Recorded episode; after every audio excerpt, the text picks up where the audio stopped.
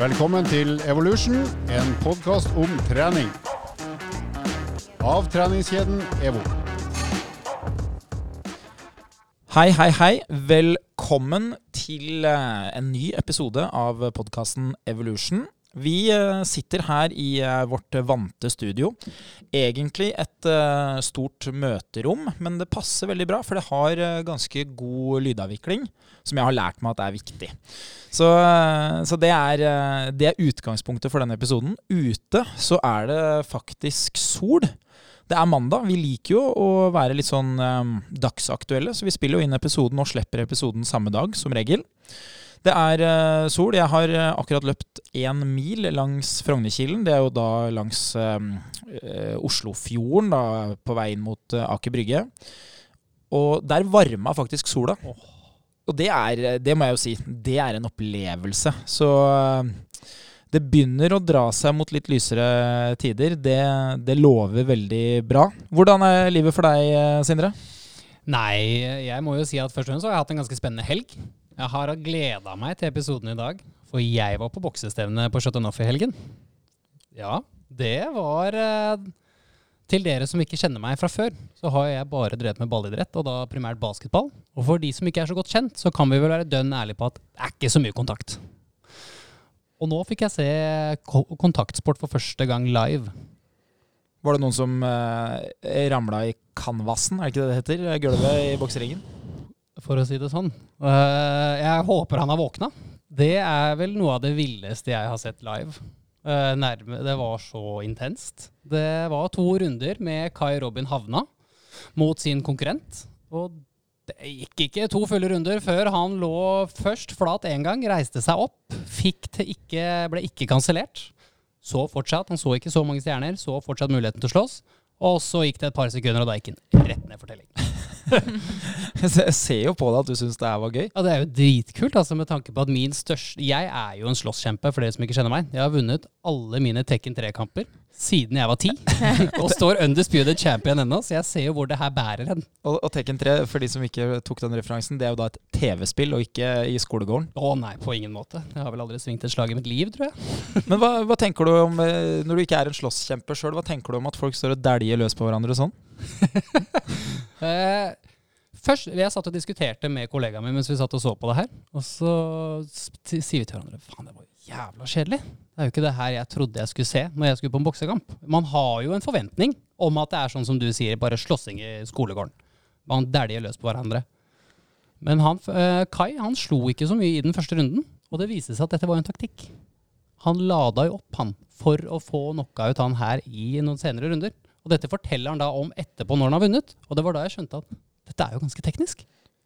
Så han kjører en Cassius Clay-variant der. Også en god Eh, reference. hva, hva er det det heter igjen? Det heter uh, eh, Dance like a butterfly. Sting like a Sting bee. like a bee. Er det dance? Jeg tror det er det. Swing like a butterfly. Sting like a bee. Jeg tror Nei, nå skal jeg være forsiktig. Jeg er på dypt vann, altså. Det handler jo i hvert fall, det er jo Mohammed Ali. Det handler jo i hvert fall om at eh, hvis du har god kondisjon, så kan du jo da danse deg unna slagene i starten. Og når motstanderen blir sliten, så er det jo bare å, å være dødelig, da. Og det funka. Rumble in the jungle eller Trilla in Manila. Altså, oh, oh. Sånne navn har de ikke på boksekampene på Chateau Nei, det har de absolutt ikke. Hva het dette stevnet for noe? Fight Night? Ja, var det ikke uh, Boxing Night eller Fight Night? Det var ikke så kreativt som Thrilla in Manila, altså. Nei, Fight Club derimot. eh, en eh, kultfilm fra 90-tallet, tror jeg. Ja, tror jeg Starten av 2000. Det er kanskje en av de beste. Ja, den er fin. Det er Brad Pitt. Er, og eh, Edward Norton, tror jeg. Ja, det er- Ja, ja, det der er Klasse høyt på IMBD. Linnea, velkommen. Takk. Hva, hvordan stiller du deg til eh, slåssing en lørdagskveld? Jeg syns uh, altså Au til de som er med. Uh, og jeg er ikke så fan av å se på det, egentlig, for jeg, synes, jeg får så vondt av de. Jeg tenker sånn Herregud, hvorfor skal du få slag i trynet, liksom? Eh, Hvorfor utsetter du deg selv for det her? Det forstår jeg. Men har du sett på amerikansk fotball noen gang? Nei. Der føler jeg at du gjør det frivillig. Ah, Med en gang du har den ovale ballen i henda, så løper jo alle mot deg for å ta deg. Og du har ikke lov til å gjøre noe tilbake. Nei. Nei. Det ser jo mye verre ut. Ja. Har ikke du drevet med kung fu en gang i tiden? da? Ja, men det, men jeg var ikke akkurat det vi dreiv med, da. Det Nei, var jo bare ja. slåssing i lufta, liksom. Det er jo bare å punche Ja. Ikke som på Tekken, altså. Nei. Slåssedans. Slåssedans. Ja. Litt sånn tøyinger og sånt. Jeg har jo alltid tenkt at rugby må jo være liksom tøffingutgaven av eh, amerikansk fotball. De, de har jo glemt sikkerhetsutstyret. ja. Nei, det er jo eh, noe særeget, det. det bokseforbudet ble jo oppheva i Norge eh, for et par år siden. eh, så nå er det jo lov å klaske løs på hverandre. Så de som vil, må jo dra og se på det. Jeg skal jo ikke ytre min mening om det, men det er jo en idrett. Altså jeg skjønner jo at det er spennende for de som driver med det. det jeg er kanskje ikke helt fan av at uh, unge mennesker skal drive på med det i skolegården, men uh, om det blir noe mer av det fordi om man gjør det på uh, lørdagskvelden på Chateau Neuf, det, det tror jeg kanskje ikke. Nei, og det var jo egentlig, det skal jeg tørre å påstå å si at det var vel kanskje det som var det fineste med å være der og se på. At det var så organisert, og at det var egentlig så fint. Fordi dette er jo to konkurrenter, på lik linje som en fotballkamp. Og når kampen var ferdig, så går de bort, hilser på hverandre, takker hverandre for kampen, klemmer hverandre og anerkjenner at dette har vært tøft for oss begge. Og da ser du at det er jo ikke sånn som den der skolegården i, eller slåsskampen i skolegården. Så jeg har litt troa på det. det. kan være fint på sikt, altså. Kjevebrudd, blåøye, brekt nese og eh, hjernerystelse. Du, tusen hjertelig takk. Fantastisk lørdagskveld. Akkurat som å være på lokalet i Nittedalen med Våg. Bortsett fra vi takka ikke, da. Vi, vi spytta etter hverandre. Nettopp. Dere skulle ha boksa litt først. Ikke sant. Nei, det er sant. Du Linnea, du skal jo noe helt annet eh, neste helg, som er kanskje litt mer eh, norsk. Hva, hva står på planen? Da er det en rolig, fin hyttetur med beste PT-gjengen Bryn og Ryen. Er, er det rolig? Er det, eller er det noe man sier på forhånd? Det er noe man sier på forhånd, ja. Men eh, ja. Som, som PT, det er jo et spørsmål jeg har fått veldig mange ganger. Hva, eh, stopper dere på Vinmonopolet på vei oppover, eller stopper dere på butikken for å kjøpe sånn eh, agurk og dipp? Blir begge deler. Må innom begge deler. Ja, for det, for det er jo en morsom ting eh, som jeg tenkte å ta opp her, og det er jo at vi i treningskjeden EVO vi har jo nå ute et samarbeid med Orkla, hvor vi har da EVO-reklame på alle New Energy-sjokoladene. Og det er jo litt sånn motstridende for mange. ikke sant? Eh, Hvorfor driver en treningskjede som skal fremme helse, og hvorfor driver de med sjokolade? Men der er det jo viktig for meg å poengtere at de som trener i, i treningskjeden EVO, og de som jobber der, er jo som regel helt vanlige mennesker. Og jeg har nå spist mine kilo med, med sjokolade, selv om jeg bruker eh, lunsjen min i dag f.eks. på å løpe langs Frognerkilen. Så, så jeg, jeg føler jo at det er et normalt liv, men veldig mange av de jeg har trent, har jo litt sånn innebygde fordommer om at jeg er jo en sånn eh, veldig sånn eh, ja, eh, helseguru da, fordi at jeg jobber som PT. Og de tenker jo da at ja, nei, du spiser jo ikke godteri, du eh, drikker i hvert fall ikke alkohol. Så det er jo godt å høre, da, syns jo jeg, at, eh, at det er liksom normale forhold. Ikke at man må drikke alkohol, det er jo for meg eh, akkurat det samme om du gjør det, men det vitner jo om et eh, litt mer normalt liv, da, i hvert fall. Ja, det er jo, altså, vi er jo helt normale folk, vi også. Det er jo sjokolade og chips og alt. Kosen skal med på turene og Helt normale folk som bare liker at det er skikkelig tungt og slitsomt uh, syv dager i uka på Ja. treningssenteret. ja, Kanskje ikke så normale likevel, men den delen her, den er i hvert fall normal. Du, veldig bra. Vi skal videre, vi. Og i dag skal vi gjøre en liten vri. Vi skal gå rett på 500 kalori-challengen. For eh, det er faktisk også da tema i dag. Vi, eh, vi sendte deg av gårde på litt sånn eh, styrketrening for å se hvor lang tid du brukte. Og det, det som er dagens eh, episodetema, da, det er jo også da at vi skal lage rett og slett treningsprogrammet ditt som hører på. Så nå skal du få hjelp til å få et treningsprogram for eh, litt sterkere muskler. Så før vi gjør det, så bare spiller vi en liten lyd.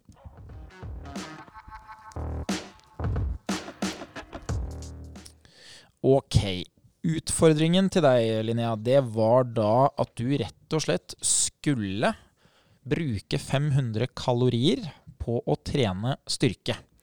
Litt sånn eh, klassisk styrketrening for eh, sterkere og større muskler. Eh, sånn type 8-10 repetisjoner, lange pauser. Hvordan eh, var det? Var det er kanskje ikke uvant for deg? Nei, jeg elsker jo styrketrening, så det er jo noe jeg gjør ganske ofte. Eh, så da jeg testa den her, så valgte jeg jo det strategisk på dagen hvor jeg hadde bein. For da får jeg de største, beste, tyngste øvelsene. Hvis jeg, bare hadde trent overkropp, så hadde det nok tatt enda lengre tid, kan jeg se for meg. Hva, hva var forventningen din på forhånd når du fikk utfordringen? Hva tenkte du da? Jeg tenkte jo at jeg kom til å bruke en evighet på å klare dette her. Men hvorfor det? Altså, hva, hva er det som gjør at du tenker at det kommer til å ta lang tid, sånn instinktivt? Det er jo det der med pausene, da. Og så er det jo at eh, hvis man ikke presser tungt nok eller hardt nok eller gjør store nok øvelser, så vil det kanskje ikke forbrenne så mye kalorier, da. Nei, ikke sant? For det, det blir lokalt tungt for musklene, Mm. eh, men eh, intensiteten blir egentlig ganske lav. Hvis vi skal sette et bilde på det, da. Hvis du bare skal bruke bicepsen, så vil det jo bli veldig tungt for bicepsen. Ja. Men det vil kreve veldig lite oksygen.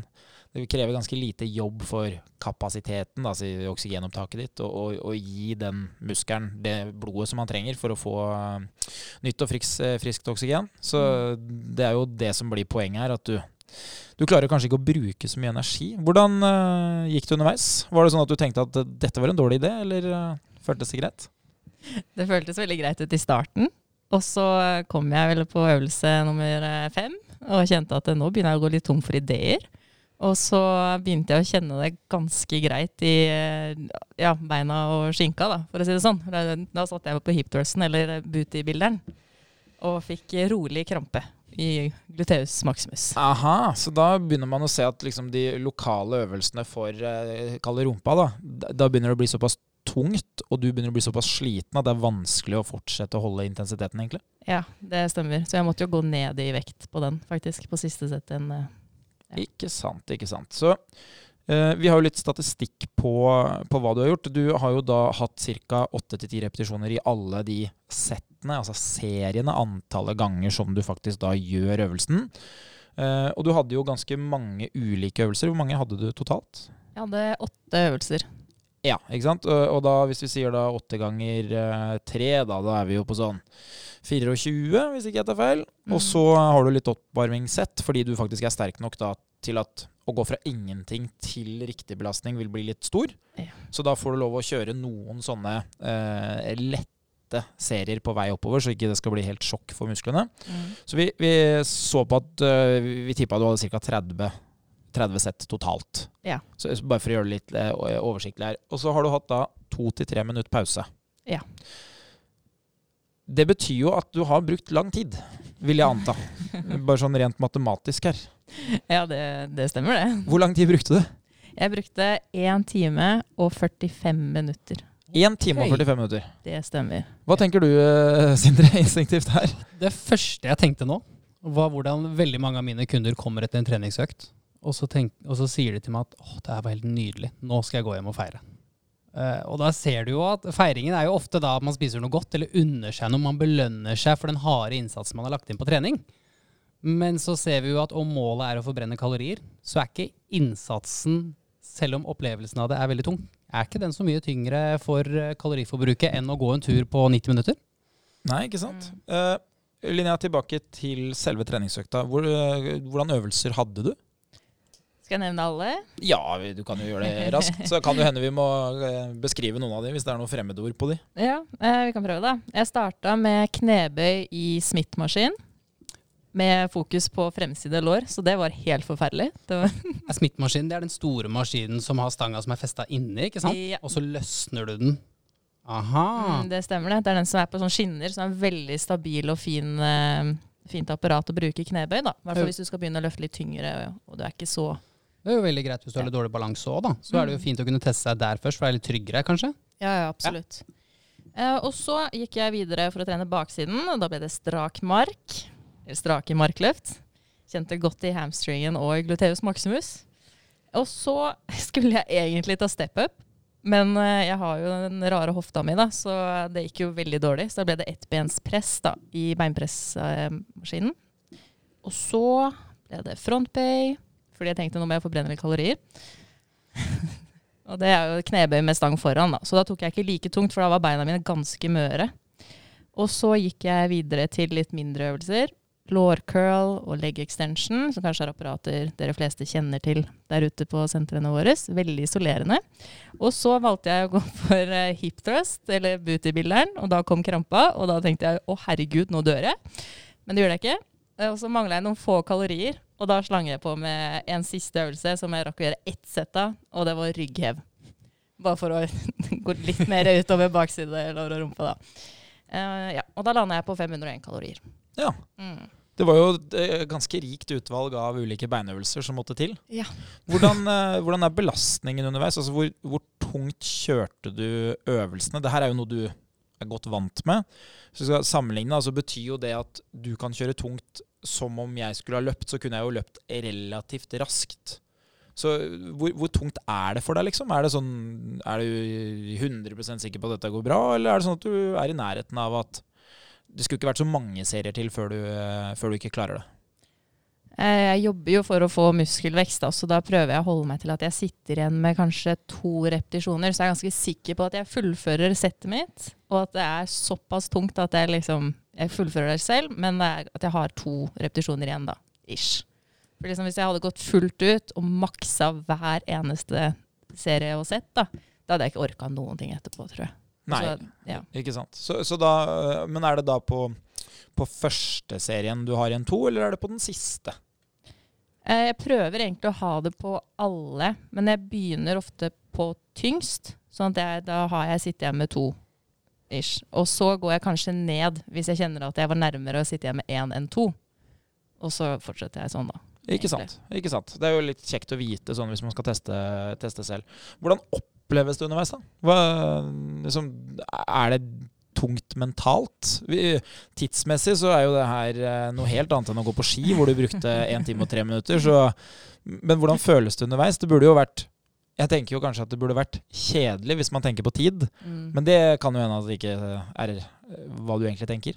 Ja, så det var, det var jo det var litt kjedelig. Men jeg er jo veldig glad i å trene styrke, så det var jo egentlig ganske, ganske behagelig. Ganske greit sånn sett, men veldig tungt i beina, selvfølgelig.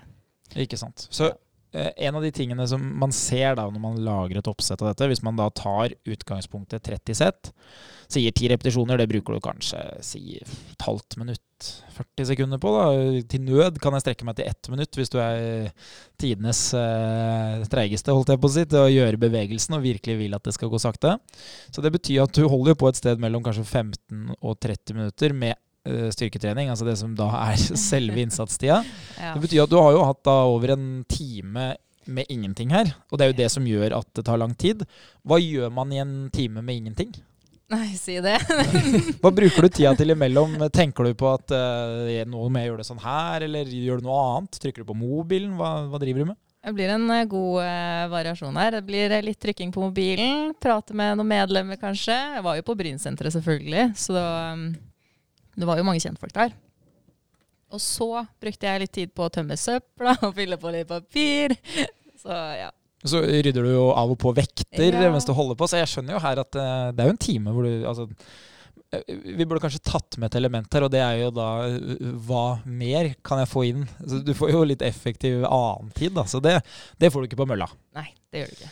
Det, det er sant. Eh, vi har jo da valgt å lage et eh, register av dette her, altså noen kategorier hvor du gir terningkast. Så hva er terningkastet da på effektivitet? Altså hvor effektivt er dette her? Effektivitet, der scorer det her selvfølgelig litt eh, lavere Eller ja, på den lave delen av skalaen, og den får da én. Den får én.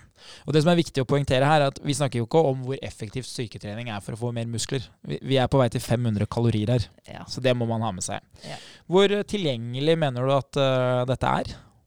Eh, da gir jeg den her en sekser for meg, og en femmer for folk flest. Jaså?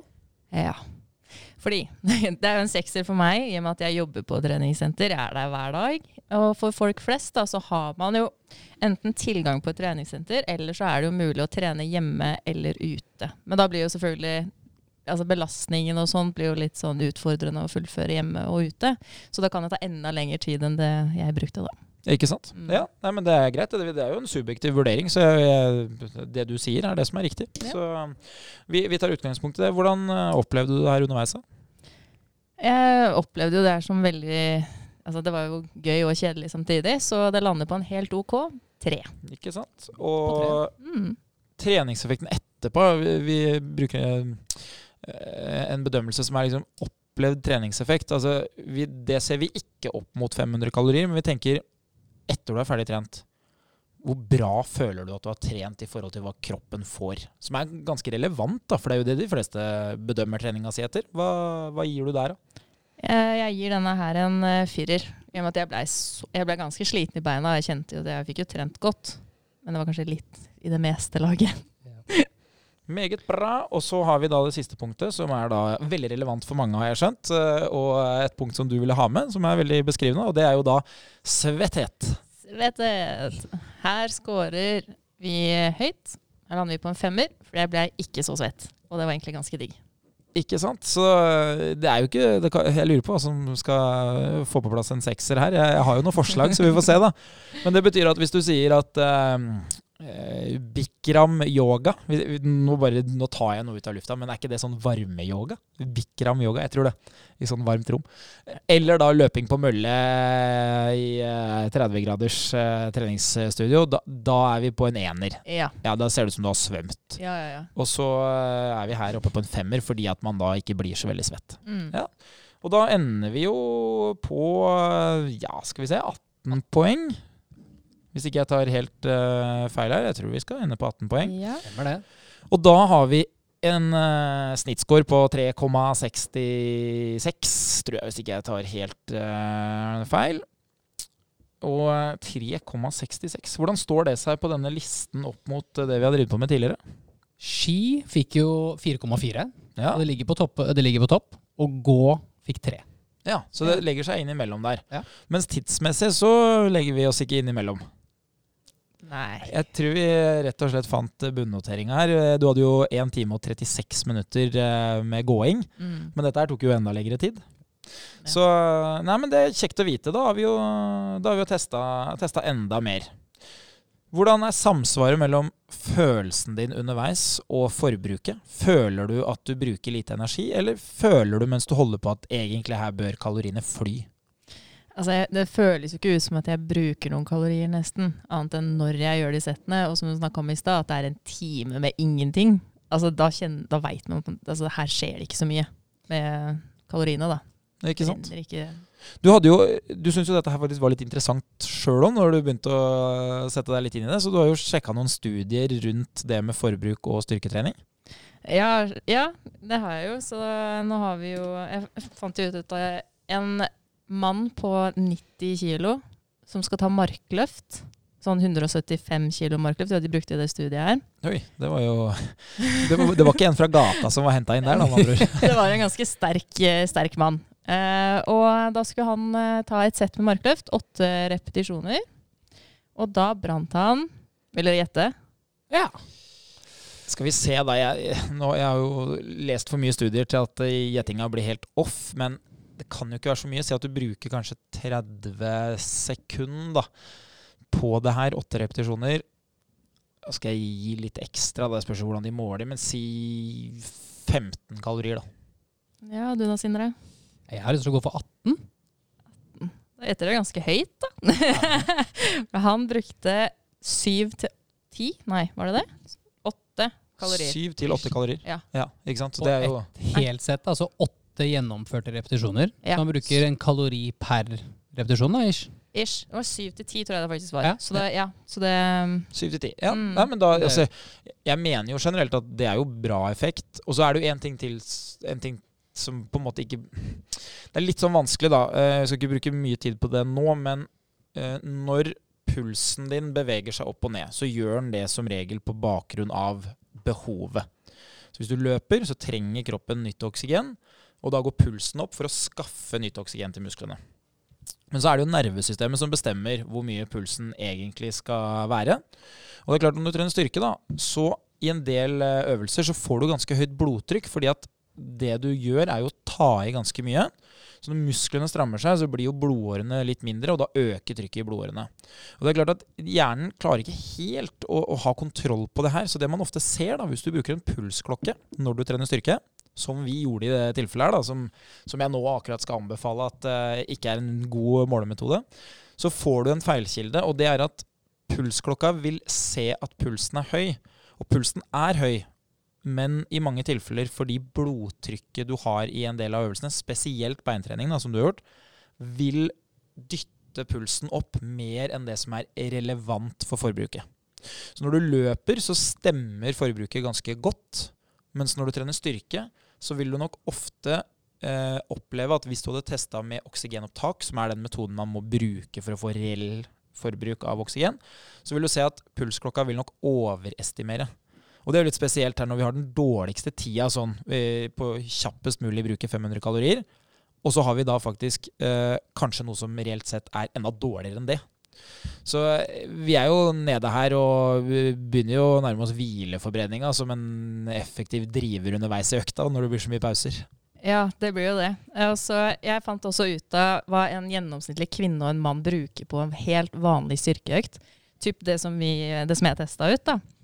Eh, og da bruker en kvinne ca. 70-130 kalorier på en helt vanlig styrkeøkt. Og en mann bruker da 120-200 kalorier. Ikke sant? Så hvis pausene er lange, intensiteten er lav, så sier vi ingenting om styrkeeffekten, for den er, den er ekstremt viktig. Så, så det, vi sier jo ikke at man ikke skal prioritere der, for det gir jo helt andre helseeffekter som er viktige for muskelmassen. Du kan få høyere forbrenning i hvileforbrenninga di på sikt fordi du får mer muskler, men akkurat isolert sett på forbrenning lite gunstig. Og, og jeg tror de målene der, de er jo helt reelle, for de er jo da funnet med gode målemetoder. Men de vil nok ikke samsvare med hva pulsklokkene til de fleste ville vist. Nei, det er akkurat det. Pulsklokka har en tendens til å overdrive. Ikke sant. Så da har vi fått testa litt rundt det, og så skal vi jo fortsette med dette her. Så vi kommer tilbake til det senere i episoden, hvilke, hvilke tester vi skal gjøre videre. Men vi lovte jo da at uh, vi skulle se på et treningsprogram, så jeg foreslår at vi uh, gjør det rett etter dette.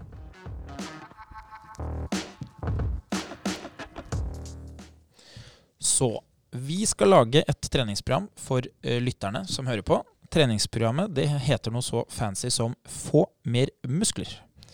Det er jo veldig lite spesifikt, ettersom du får jo ikke flere muskler. Du har et visst antall muskler i kroppen, og de, Blir litt større? de, de kan bare bli færre, holdt jeg på å si. Det, de kan ikke bli flere, men de kan jo bli større eller mindre, Yes. som, eh, som på en måte er viktig. Men det er kanskje ikke det som er det viktigste. For en del gutter 16 år er det veldig, veldig viktig. Men for de aller, aller fleste så er det vel viktigst med tanke på effekten de kan skape. Yes. Hva det kan gjøre med hverdagen, hvordan opplevelsen kan være. Det er veldig veldig mange som har utfordringer i hverdagen som kunne blitt løst med styrketrening. Og Det er jo litt det vi skal gå gjennom i dag òg. Hvilke fordeler det har, hvordan det burde gjøres, og hvem som burde gjøre de programmene vi tilbyr nå. Ikke sant. Så når vi sier få mer muskler, så kunne vi liksom sagt få sterkere muskler. Ja, og ikke minst. Det er vel egentlig det vi mener. Absolutt. Jeg bare syns det er litt morsomt å tukle med sånne eh, grammatiske ting som mer volum. Akkurat som eh, mye og masse, som er ofte noe de fleste bommer på. Ok, det betyr da at vi skal lage et treningsprogram. Og da er mitt første spørsmål eh, til deg, Sindre. Hvem er det dette passer for? Jeg vil jo si at dette, Litt sånn som det var innledningsvis her, så snakket vi jo om denne sjokoladen, og at de som trener hos oss, det er helt vanlige mennesker. På lik linje som oss. Og da er det jo ingen tvil om at dette programmet her, det er jo skapt for helt vanlige mennesker. Akkurat som oss. Veldig bra. Ok, nummer eh, to. Hvordan type trening er det? Du har jo allerede vært ute og trent litt eh, styrke, Linnea. Hva, hvordan type trening tenker vi at vi skal ha i det treningsprogrammet her? Da tenker jeg at vi kan ha helt eh, basic hypertrofitrening, også kjent som muskelveksttrening. da. da jobber vi med ca. 6-12 repetisjoner, hvor vi jobber oss nær utmattelse. Altså ikke fullt ut til maks, men nær utmattelse. Så du har kontroll på hva du gjør. Kjempebra. Hvor, øh, hvorfor tar vi ikke flere? Hvorfor skal jeg ikke ta f.eks. 30 repetisjoner? Altså, du kan, men du blir jo veldig sliten, da. Og da blir det jo på en måte ikke nok stimuli på musklene dine for at det skal vokse, da. Nei. Så det stiller jo et krav til kondisjonen plutselig, da. Mm. Eh, Jeg pleier å tulle med det der. Altså ikke sånn eh, tulle som de fleste tenker, men jeg, jeg pleier å legge inn det i en del styrketreningsøkter hos kunder som er veldig nye. Fordi det kan ha god effekt hvis du treffer ganske riktig. Og det jeg gjør det med, da, det er stakemaskin. Så hvis de skal stake f.eks. i ett minutt, så er det ca. 30 repetisjoner. Og for de aller fleste som ikke har gått mye på ski, så vil det være styrketrening mye mer enn at du blir god til å gå på ski av f.eks. fire ganger ett minutt. Det, for skigåing så vil det være altfor lite. Men det de ender opp med, er jo at de blir kjempestøle i tricepsen. Så jeg, så jeg bruker noen ganger sånne type eh, treningsøvelser. Jeg vet ikke, Har du noe i treningsprogrammene Sindre, som, er, som kanskje er egentlig litt sånn høyrep, da. Nå brukte du skimaskin som et eksempel. Jeg jo har faktisk en kondisjon, et kondisjonsapparat jeg ofte bruker der, og det er jo motbakker på tredemølla. For en nybegynner så er det jo sånn at det arbeidet det koster å bære sin egen vekt i motbakke, det er ganske tungt. Så du kan også få en styrkeeffekt på det ved siden av. Så da plutselig står du der egentlig med helt stive legger, lår og rumpe, og så har du egentlig du har drevet styrketrening av strekkapparatet, da, som det heter Yes. eh, veldig fancy. Og det er jo noe jeg ofte ser i disse kundene også, er jo at de blir sterkere. Og så kommer det jo da når de har fått den treningseffekten som på en måte Kall det å makse ut litt av potensialet de kunne fått i styrkeeffekt på en kondisjonsøvelse. Så tar vi dem også sakte, men sikkert inn mot styrke, men da blir jo det mye morsommere. Og så har jo kondisjonen økt, som betyr at opplevelsen av øvelsene blir litt lettere òg. For det er klart at når du får veldig høy puls, så kan det være ubehagelig i starten, og det er veldig mange som opplever også at de blir litt svimle. Spesielt når vi tar disse tunge løftene. Det å da ha trent litt kondisjon på forhånd gjør jo at du er vant, og ikke minst klarer å takle og kontrollere pulstrening. Good. Linnea, hvorfor, eh, hvorfor velger vi Altså, du vil jo ha hypertrofi her. Ja. Hvorfor tar vi ikke få? Altså, det, instinktivt høres det veldig deilig ut å ta to løft istedenfor tolv løft. Hvorfor tar vi ikke veldig, veldig få? Altså, det er ikke altså, Hvis du tar få, da, så må du ha veldig tungt. Ikke sant? Det sier jo seg selv. For å komme oss nær den utmattelsen. Og da må du ta det Altså, du må ha et veldig høyt volum, da. Så hvis det er snakk om at uh, du er en som har tid til å trene flere økter om dagen, eller om uh, ja, fem, seks, sju ganger i uka, da, ikke sant? Da går jo det fint for deg, kanskje. Også, men hvis du er et helt vanlig menneske, som dette programmet her er lagd for, da beregner vi på at du tar og trener kanskje to ganger i uka, og da er det her mye bedre. Ikke sant? Det er jo kanskje det greit å beklage og ikke meningen å avbryte der, men det er kanskje det også greit å nevne at dette med volum Du nevnte jo at du hadde en del sett på det beinprogrammet du kjørte i helgen. Ja. Hvor mange sett var det? Eh, Det var vel 30 30 sett totalt? Yes, og det er jo kanskje der vi snakker om i forhold til dette med volum, at det å skulle trene på to repetisjoner, eller én repetisjon eller tre repetisjoner som er ekstremt tungt, vil jo gjøre at det å komme seg opp til 30 sett på en uke kan være ekstremt utfordrende. Og ikke hvis vi skal ta på en treningsøkt, så tror jeg ikke det er mange som hadde klart å ta veldig mange sett på så tung vekt, altså. For å da få den stimuli man vil ha. Nei, så det man ser da i en del studier, er jo at det kan være veldig, veldig vanskelig å treffe. Fordi eh, hvis du har Si at du eh, pluss-minus én repetisjon bommer da på tolv eh, repetisjoner i treningsprogrammet, så vil du jo være veldig nærme. ikke sant? Hvis du sier at du Vi kan gjøre det enda enklere. Si at vi bruker ti. da. Si at du klarte ni.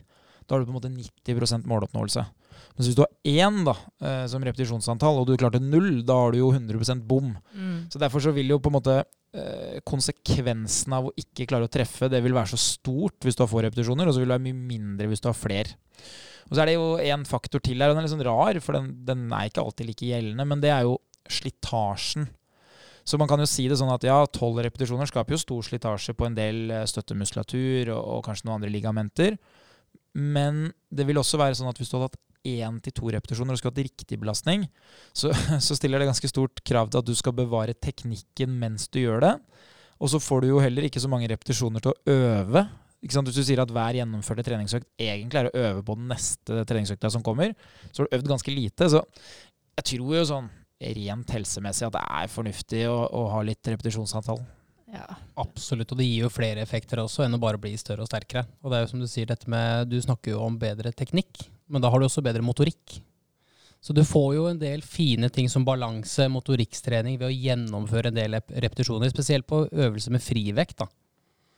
Som jeg tipper at vi kommer til å ha noen øvelser i dette programmet senere i dag òg. Ikke sant? Ja, Nei, men jeg kan være enig i det. Eh, Det tar meg jo videre da til, til uh, nummer tre, som er liksom, hva, er det, hva er det som er viktig å ta hensyn til? da? Eh, nå har vi jo vært enige om at dette er for vanlige folk. Vi har vært enige om at vi trener for å få eh, sterkere muskler, eller mer muskler, som vi kalte det. Eh, og så er vi da litt inne på liksom, hva, hva er det viktig å ta hensyn til, Linnea? Hva, hva tenker du når du skal lage treningsprogram til dine kunder? Hva, hva må du vite om de?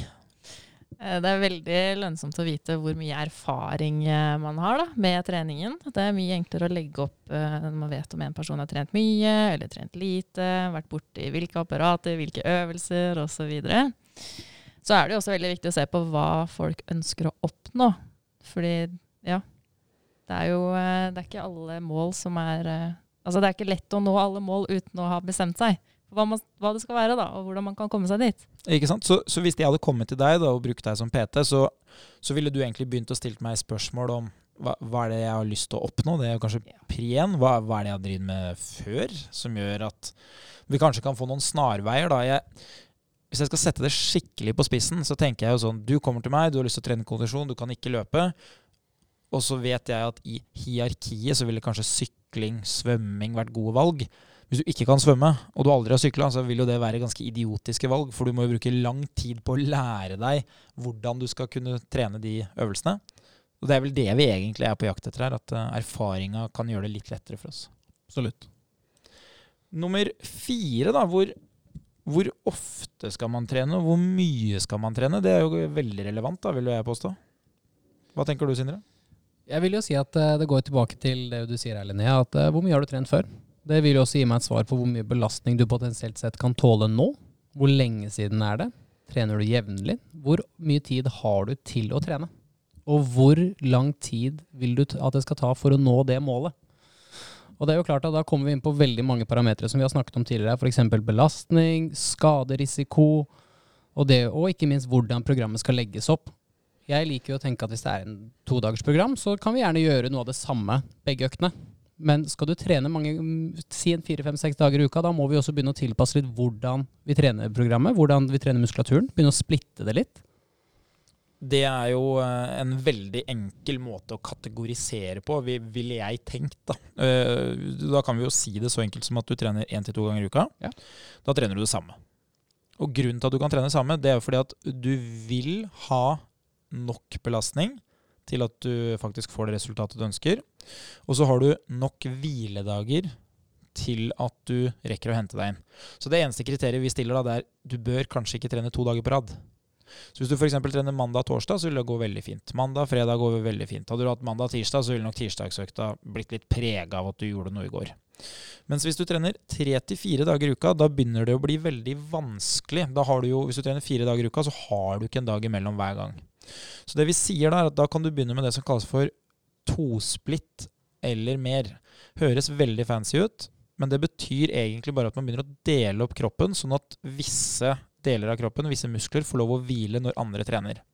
Hvis du skal gjøre det veldig enkelt, da, så kunne vi delt kroppen eh, på tvers eh, rundt midja. Og sagt at eh, det ene treningsprogrammet det er fra belte og ned, og det andre er fra belte og opp. Og Da blir det sånn mandag, da trener man bein. Tirsdag, da trener man overkropp, og da hviler jo beina. Og så på onsdag igjen, da trener du bein. Ikke sant? Og da skjønner man jo etter hvert at ja, men da går det an å få trent fire ganger i uka. Mens hvis du er eh, veldig ivrig da, og trener fem til seks ganger i uka, så kan du kjøre tresplitt. Og da kan det jo fort bli sånn en ryggøkt, og så kan det bli en bryst- og tricepsøkt, og så kan det bli en beinøkt. Og her finnes det jo ekstremt mange muligheter. Jeg har hørt om folk som kjører fire splitt òg. Trener man flere ganger om dagen, så det finnes helt sikkert folk som har kjørt femsplitt. eh, Ja, Om du skal trene kondisjon og styrke også, så har du sikkert noen flere splitt på det. Til slutt så ender du med en eh, fantastisk lite god dessert som heter eh, banansplitt. Men det, men det som er komisk med det, er jo at det er jo nesten sånn det ender opp med å bli også. Du har så mange fancy treningsprogrammer der ute som, skal, som lover deg både gull og grønne skoger. Og sannheten er, og det vil være den samme sannheten uansett om du trener seks dager i uka eller om du trener én dag i uka, det må gjennomføres. Og så må du finne en måte hvor du syns det er litt morsomt å gjøre det på. Så må du akseptere på et eller annet tidspunkt at ikke alt med trening er morsomt. Det er som jeg likte å spørre, jeg spurte deg en gang hvordan du klarer å pushe deg selv til å løpe så mye her ute. For jeg syns jo det er helt absurd, jeg som syns det er tungt å løpe en mil. Altså Det er jo et drømmescenario for min del. Og da sa du at hvis jeg kun hadde trent på de dagene jeg gidder, da hadde det ikke blitt så mange treningsøkter. Nei, jeg pleier å si at det står i timeplan, så derfor så måtte jeg gjøre det. Men det er et fint mantra mange kan ta med seg òg. At det, det er ikke det at du trenger å trene seks dager i uka. For trener du to ganger i uka, så trener du over 100 ganger i året. Mm. Og jeg liker alltid å stille kundene mine det enkle spørsmålet. Forestill deg nå at nå har du trent to ganger i uka i ett år. Da har du trent over 100 ganger. Hvordan føles kroppen din nå? Hvordan tror du den markløften du har lyst til å klare 100 kilo i, er da? Ja, ikke sant? Og, og hvis man setter det på spissen, da, hvis du sier at du trener hver dag i hele januar, og så slutter du, så er jo det bare en tredjedel av det å trene to dager i uka hele året. Og det er det mange som misforstår. Man begynner altfor hardt, og så skjønner man ikke effekten av å spille the long run. Dette er, trening er ferskvare. Det viktigste er å få litt belastning jevnt og trutt. Ikke alt i januar, og så tar man en pause på tre-fire måneder. Nei. Det er egentlig gode tips da å ta med seg at man eh, kanskje bør gjøre litt planlegging, som vi gjør nå, da. Hvis vi da skal oppsummere hvor ofte, hvor mye, så er det jo da snakk om at du må vite hvor mange dager i uka du egentlig ser for deg å trene. Det kan jo være litt knytta til målsetninga di. Det er klart Hvis du eh, har veldig spesifikke målsetninger, så kan det jo hende det fremprovoserer at du må trene oftere. Mens hvis vi da sier at dette er for eh, helt vanlige folk som ønsker å eh, komme i bedre form, si at du har trent sporadisk eller ingenting, så ville jeg tenkt to dager i uka. Det er en god start. Idet jeg får det til å flyte, så kanskje jeg skal gå opp til å ha en type to-splitt på sikt. da. Selv kjører jeg jo litt sånn tosplitt-variant, for det er litt sånn uavhengig av, uh, av programmet, hvordan det går i forhold til timeplanen min. Så det betyr at jeg noen dager kjører da kanskje knebøy som en økt, og så kjører jeg markløften som den andre, mens noen uker så har jeg kanskje da bare én treningsøkt. Da gjør jeg kanskje begge deler i samme. Så jeg, jeg veksler litt mellom, avhengig av hva jeg har tid til. Uh, og det tar meg egentlig videre til neste, og det er jo hvorfor velge akkurat de øvelsene som du ender opp med. Som kan være litt sånn vanskelig. og det er jo veldig store spørsmål vi stiller her. altså De som jobber som personlige trenere, de har jo ett års utdannelse eller mer. Så, så, vi skal jo ikke sammenfatte 60 studiepoeng på høyskolen her nå eh, på, på, rappen. Men vi kan jo si at det fins jo noen sånne enkle spilleregler ut ifra hva man bør velge. Så hvis jeg stiller spørsmålet til deg, da, Sindre, hva, hva, bør jeg velge å ha først i treningsprogrammet mitt, hvis vi snakker om rekkefølge og, og rangering, liksom? Jeg ville jo absolutt starta med det tyngste først. Hvorfor, uh, hvorfor, tenker du at tyngst først gir mening? Jeg kan prøve Jeg skal prøve å komme på en god måte å sammenligne det her på. Mat. Der har jeg det. det hvis du spiser på restaurant, så får du ofte en forrett, en hovedrett og en dessert. Forretten den er lettere, så du skal ha plass til hovedretten. Og desserten den er lettere igjen, fordi du er såpass mett fra forrett, spesielt hovedrett. Så jeg starter jo ofte med en litt lett oppvarming. Så går jeg over til en tung øvelse, og sakte, men sikkert så vil jo øvelsene bli Og tar jeg gåsetegn her, da. Lettere. Men det er fordi øvelsene ofte i mitt program blir litt mindre og koster kroppen mindre, som gjør at jeg klarer å yte, eller kunden min klarer å yte det maksimale da fra den tyngste øvelsen, f.eks. knebøy, til den letteste øvelsen, som da er tricepsekstensjon. En meget god uh, metafor. Den, uh, den, likte jeg. Den kanskje jeg låner uh, en gang i, i fremtida. Jo, mange takk. det som sånn rent spesifikt, da, hvis man liksom ser på prestasjon og studier, så er det sånn at hvis du velger de tyngste øvelsene først, så vil du nok ende opp med en totalbelastning som er høyere hvis du snur det på hodet og sier at du skulle starta med spesifikke øvelser, og så skulle du gått løs på de store tunge Si at du starter med å trene leggene, og så fortsetter du med å trene litt sånn eh, at du sitter i en sånn stol og så retter ut beina, sånn leg extension. Så kanskje du går litt utfall, og så går du inn i knebøystativet til slutt. Da ville nok mest sannsynlig belastninga som du klarte å ha i de fire øvelsene, bli lavere hvis du starter med det enkle. Mens hvis du starter med knebøy, og så fortsetter i de andre øvelsene, så vil du nok totalt sett klare å holde høyere belastning. Det er vel egentlig det man hadde sett ved middagsbordet òg, hvis jeg skjønner det riktig. Altså Hvis jeg hadde starta med desserten, så hadde det kanskje ikke blitt lett å putte ned så mye middag til slutt etter forretten. Nei, og det er akkurat det. Og jeg tror det er her veldig mange holdt på å si går litt på tynn is. At man tenker at man skal endre på programmet hele tiden. Man skal alltid endre øvelsesutvalg. Man har kanskje hørt et eller annet sted eller lest et eller annet sted at det er lurt å endre program, for da lurer man muskelen. Men muskelen er jo et stykke med kjøtt. Forstår, I utgangspunktet så forstår ikke den forskjell på om du sitter og gjør denne leg extension og strekker ut kneet, eller om du gjør en knebøy. Den måler bare hvor tungt arbeidet er, og hvor mye innsats som kreves.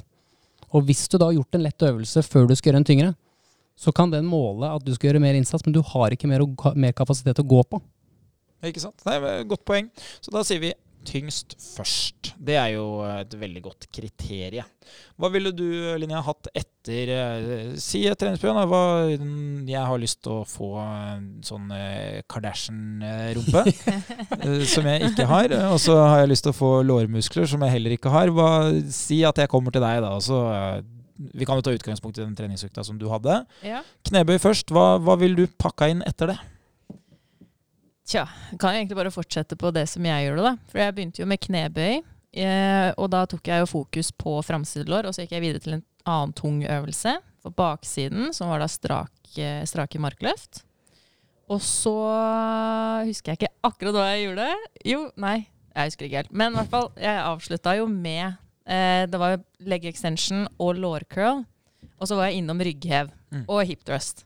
Som er veldig isolerende øvelser, da. Ja, I forhold til de første. Så, så det du egentlig sier, da, ikke sant? Tung, eh, tyngst først hadde du jo, og så Yes. begynte du på de spesifikke eh, øvelsene etter hvert. Som det de gjør, da, det er jo at når du tar bort eh, oppgaven med å trene to store muskler samtidig, så blir det jo lettere å holde høy belastning. Ja. Så eh, jeg har jo prøvd å forklare dette her til mange gutter som har lyst til å bygge stor brystkasse. Eh, det er jo der eh, spørsmålet kommer oftest, dessverre. Og da er det jo sånn at hvis du løfter benkpress, da, og det samme gjelder jo egentlig knebøy, så bruker man jo gjerne to store muskler samtidig. I knebøy så bruker man jo da forsida av låret og rumpa. Det, det er liksom de to musklene som må jobbe. Og Det betyr at på et eller annet tidspunkt så blir du så sliten at du ikke klarer å fortsette, men da vet du ikke helt om det er rumpa eller forsida av låret som egentlig har nådd maks.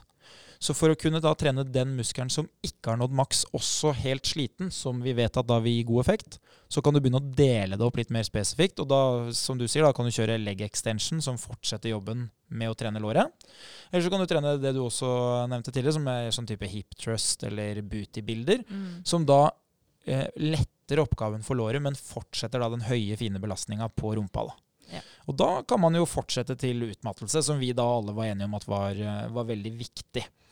Eh, hvilke andre øvelser ville du hatt i et treningsprogram for helt vanlige folk, hvis vi sier at dette her er eh, store hoveddrivere? Ville du hatt noe som kanskje trener andre elementer? Uh, ja, altså hvis det er en fullkroppsøkt det er snakk om, så er det eh, Ja, balanse. Sånn derre ut eh, Hva heter den, da? Unilaterale Ja, Slike Øvelser. Oi, her har vi jo fancy. Ja, det var det jeg skulle si, og her kommer vi med et fancy fagbegrep. Ja, nå, nå er vi, nå er vi For de som lytter, så kan vi jo si det at unilaterale, det betyr yes. bilaterale. Det betyr to. Så veldig enkelt da, hvis du skal gjøre en unilateral øvelse, så skal du bruke én del av kroppen av gangen. Så hvis vi tar leg extension som vi prata litt om i dag, da bruker vi først høyrebeinet og gjør ti repetisjoner på det ene. Så gjør vi det samme på det motsatte benet. Ikke sant? Og da, det du egentlig sikrer deg, er at du blir jevnt sterk i begge musklene, ikke sant? Ja. ja. Så hvis du sier at du har drevet med håndball, eh, fotball, hvor du har et standbein, da, så vil jo det gjerne eh, trene mye mer på kraft, mens det andre trener på motorikk. Og da hvis du begynner med unilaterale øvelser, altså da én og én side, så vil du ende opp med å bli like sterk. Potensielt. Smart. Det var ikke dumt. Uh, ja, hva mer skal vi putte inn i det treningsprogrammet? Jeg ville jo tenkt som du sier, da, Linnea, balanse. Mm. Uh, og unilateral. For meg høres jo ut som at eh, vi må inn med noe utfall her. Jeg tenker jo akkurat det samme. Eh, Hvis du tenker at du får utfall, da får du trent både setemuskulaturen og lårmuskulaturen, som er store muskelgrupper vi har snakket om tidligere. Det vil jo gå litt over de samme muskelgruppene som knebøy, så det er jo en stor øvelse. Mm. Eller step up, sånn som jeg egentlig skulle ha i programmet, men som jeg endte opp med å måtte bytte ut med ettbens beinpress. Ja, jeg er jo veldig fan av step up, spesielt denne varianten som har blitt veldig populær på mange av treningssentrene, som er en sånn slik forhøyet versjon. Det jeg ofte opplever er utfordringen med det, er jo at det er veldig, veldig tungt. Og så er det et For noen så er det veldig uvant å løfte seg selv opp. Én ting er å gå opp en liten trapp, en annen ting er å ta et ganske stort steg. Men jeg òg er veldig fan av den. Ja. Det er en ganske fin øvelse. Absolutt. Ja. Men så liker jeg å tenke at hvis målet er å ha et godt treningsprogram, så skal du tenke at når du er på trening, så skal du gjøre noe hvor du presser vekt vekk fra kroppen, du skal, eh, horisontalt. Og så skal du gjøre, trekke noe til kroppen horisontalt. Presse noe vertikalt. Trekk noe vertikalt, altså rett ned og rett opp. Og så skal du gjøre én bevegelse for hofta di. Nå har vi nevnt både markløft, vi har nevnt hip thrust, og så noe for fremside lår, som f.eks. knebøy eller leg extension. Meget bra. Jeg begynner jo å få svar på de tingene som jeg trenger her da, for å kunne lage et treningsprogram. Så basert på de tingene vi har snakka om, så har jeg prøvd å skrive ned liksom øvelser som passer. da. Eh, og vi var jo enige da om at vi må trene hele kroppen, eh, fordi vi trente bare én til to ganger i uka. Eh, og da tenker jo jeg sånn ok, store øvelser, knebøy, det er vi enige om at det er smart. Og så har vi snakka litt om intensitet, hvis vi ønsker å få litt forbrenning. Så da var vi jo inne her i episode én og snakka om det som kalles for supersett. Et veldig fancy ord for å si at man trener to øvelser samtidig, hvor pausen til den ene er at du gjør den andre. Så da tenker jeg at vi eh, tar og rett og slett holder oss til supersett. Ja. Så da kjører vi knebøy, og så ville jeg tenkt da benkpress imellom.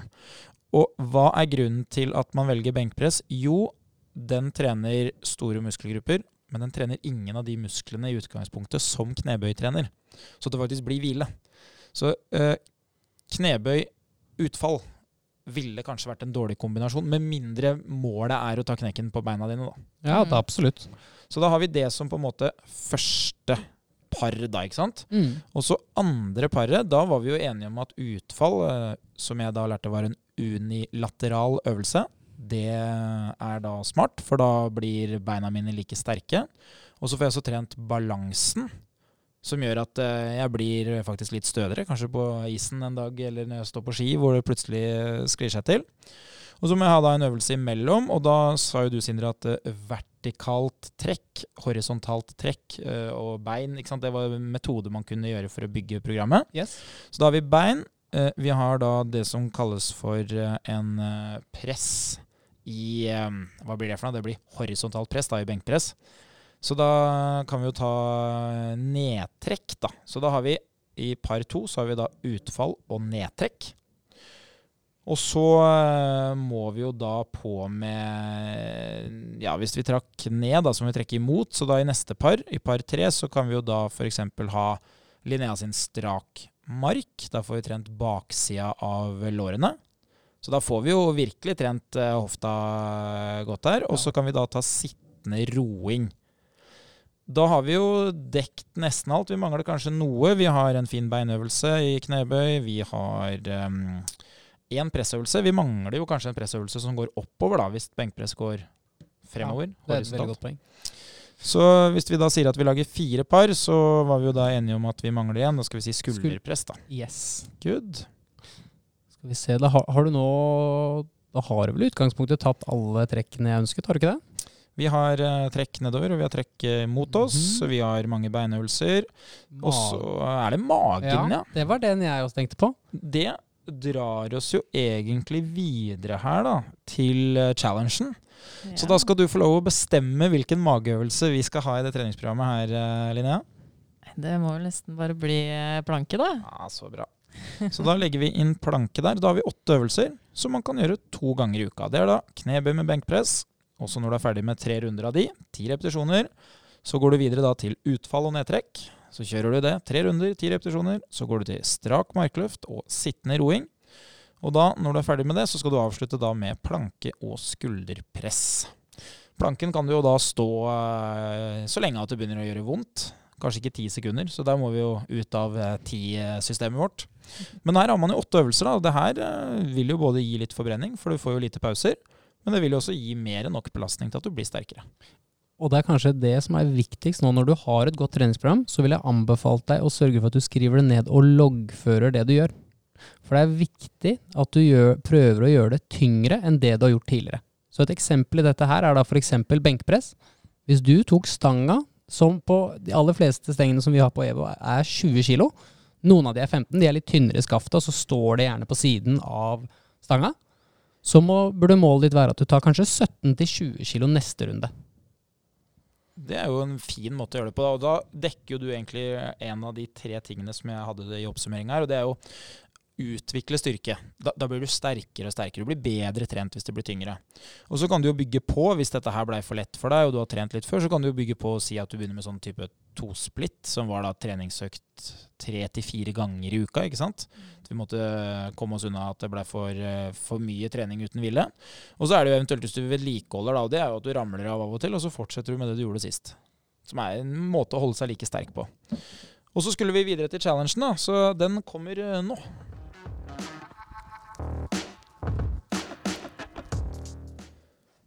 Ja, Linnea. Hva, hva hadde vi på tapetet på challenge? Vi hadde planke, som vi nevnte litt i stad. Og grunnen til at jeg spiller denne over til deg, er jo at uh, her måtte vi bite i det sure eplet, jeg og Sindre. Vi, vi prøvde. Vi var jo veldig mye dårligere enn vi trodde. Det var ikke i nærheten av verdensrekorden i hvert fall. Snakka jo om timer her sist. Det slapp vi. Eh, jeg kan jo si sånn at når vi begynte å snakke om minutter, så begynte det å bli tungt. Så vi endte da på eh, to minutter. Det var det vi tyna oss til. Som jeg, jeg må innrømme at jeg er ganske skuffa. Så jeg, jeg tror kanskje jeg utover våren er nødt til å eh, gjøre en liten jobb her for å få det her bedre. fordi jeg kan erindre at jeg har stått mye lenger enn det før. Eh, Det er vel kanskje et sånn klassisk eh, mannesymptom at man var bedre før. Fotballhistoriene blir bedre og bedre. og Ja. Militæret, da var jeg i kjempegod form. Det, til og med for meg er jo militæret 15 år siden. Så ja. Men Linja, grunnen til at du blei spilt opp her, da, var jo Hvor lenge sto du? Jeg sto i hele to minutter og 30 sekunder. Ai, ai, ai, ai, ai. Det er bra. altså. Ikke det at det har noe å si her, men magemusklene er faktisk eh, en av de musklene i kroppen hvor eh, kvinner og menn er nesten like sterke. Mm. Så det er litt morsomt. Det handler jo om volum. eh, Så ikke at det er det som er årsaken her, det er nok at du rett og slett har gjort et stykke bedre innsats enn oss på å trene med magen. Men det er litt sånn morsom greie. Hva vil du ha som neste challenge til neste episode? Ja, til neste episode så tenker jeg vi kan gjøre noe som kan utføres på de fleste av sentrene våre, og er veldig greit og gøy å teste, for det er sikkert lenge siden du som lytter og oss har jo testa det eh, vi skal gjøre. Og det er da stille lengde. Ah, det er kanskje litt mer deg, Sindre. Hjemmebane. Det betyr da at da står man med ikke samla bein, men man står liksom med beina bak en strek. Mm. Og så tar man i alt man kan, og så hopper man så langt man klarer. Yep. Og der man lander, det er resultatet. Ja. Det, det høres ut som jeg både vil ha tilfart og eh, god oppdrift der. Uten tvil. Det ville jo vært en eh, god eh, fordel, det. Jeg lurer på hvor langt jeg kan ha hoppa. Jeg, jeg lurer på om jeg hoppa sånn 260. Kan det liksom Ja, det kan stemme. Men det høres jo langt ut Ja, i dag. Det var, men jeg skulle si det at det kan stemme, men det er også veldig bra. Ja, det betyr jo at jeg mest sannsynlig ikke kommer til å levere det nå. Det var jo når jeg var i militæret. Nei, Har, har ikke hoppa så mye sist, sist, sist altså? Nei altså, den spesifikke idrettskarrieren min den blir sterkere og sterkere, men den generelle prestasjonsevnen, den faller. Nei, men da har vi stille lengde. Og så eh, må vi jo på med en ny test av 500 kalorier. Yes. Hva vil du ha der, da? Da tenkte jeg skulle gjøre litt bedre for meg sjæl og gjøre noe som kanskje forbrenner litt fortere enn eh, det vi har testa tidligere. Eh, og da er det sykkel. Sykkel. Så da kan du enten sykle ute eller på spinningsykkel eller ergometersykkel. Det blir jo spennende å se. Ja. Eh, Det jeg tenker instinktivt, er jo når du 500 før du får vondt i rumpa, eller motsatt. Det er jo et vanlig problem for ikke-syklister. Time will show. Ja. Ja. Nei, men jeg eh, har lært veldig mye. Altså, jeg tar med meg unilaterale øvelser. Eh, og så tar jeg med meg det treningsprogrammet som vi lagde her. Det var jo veldig enkelt, så der kan man jo spole tilbake og plukke med seg det. Har dere hatt en bra dag? Veldig bra dag. Syns det har vært ganske morsomt, det, folkens. Ja. Kanon. Så inntil videre, lykke til med treninga. Vi høres igjen. Vil du vite mer om trening? Abonner på podkasten og sjekk ut vårt treningsmagasin på evo.no.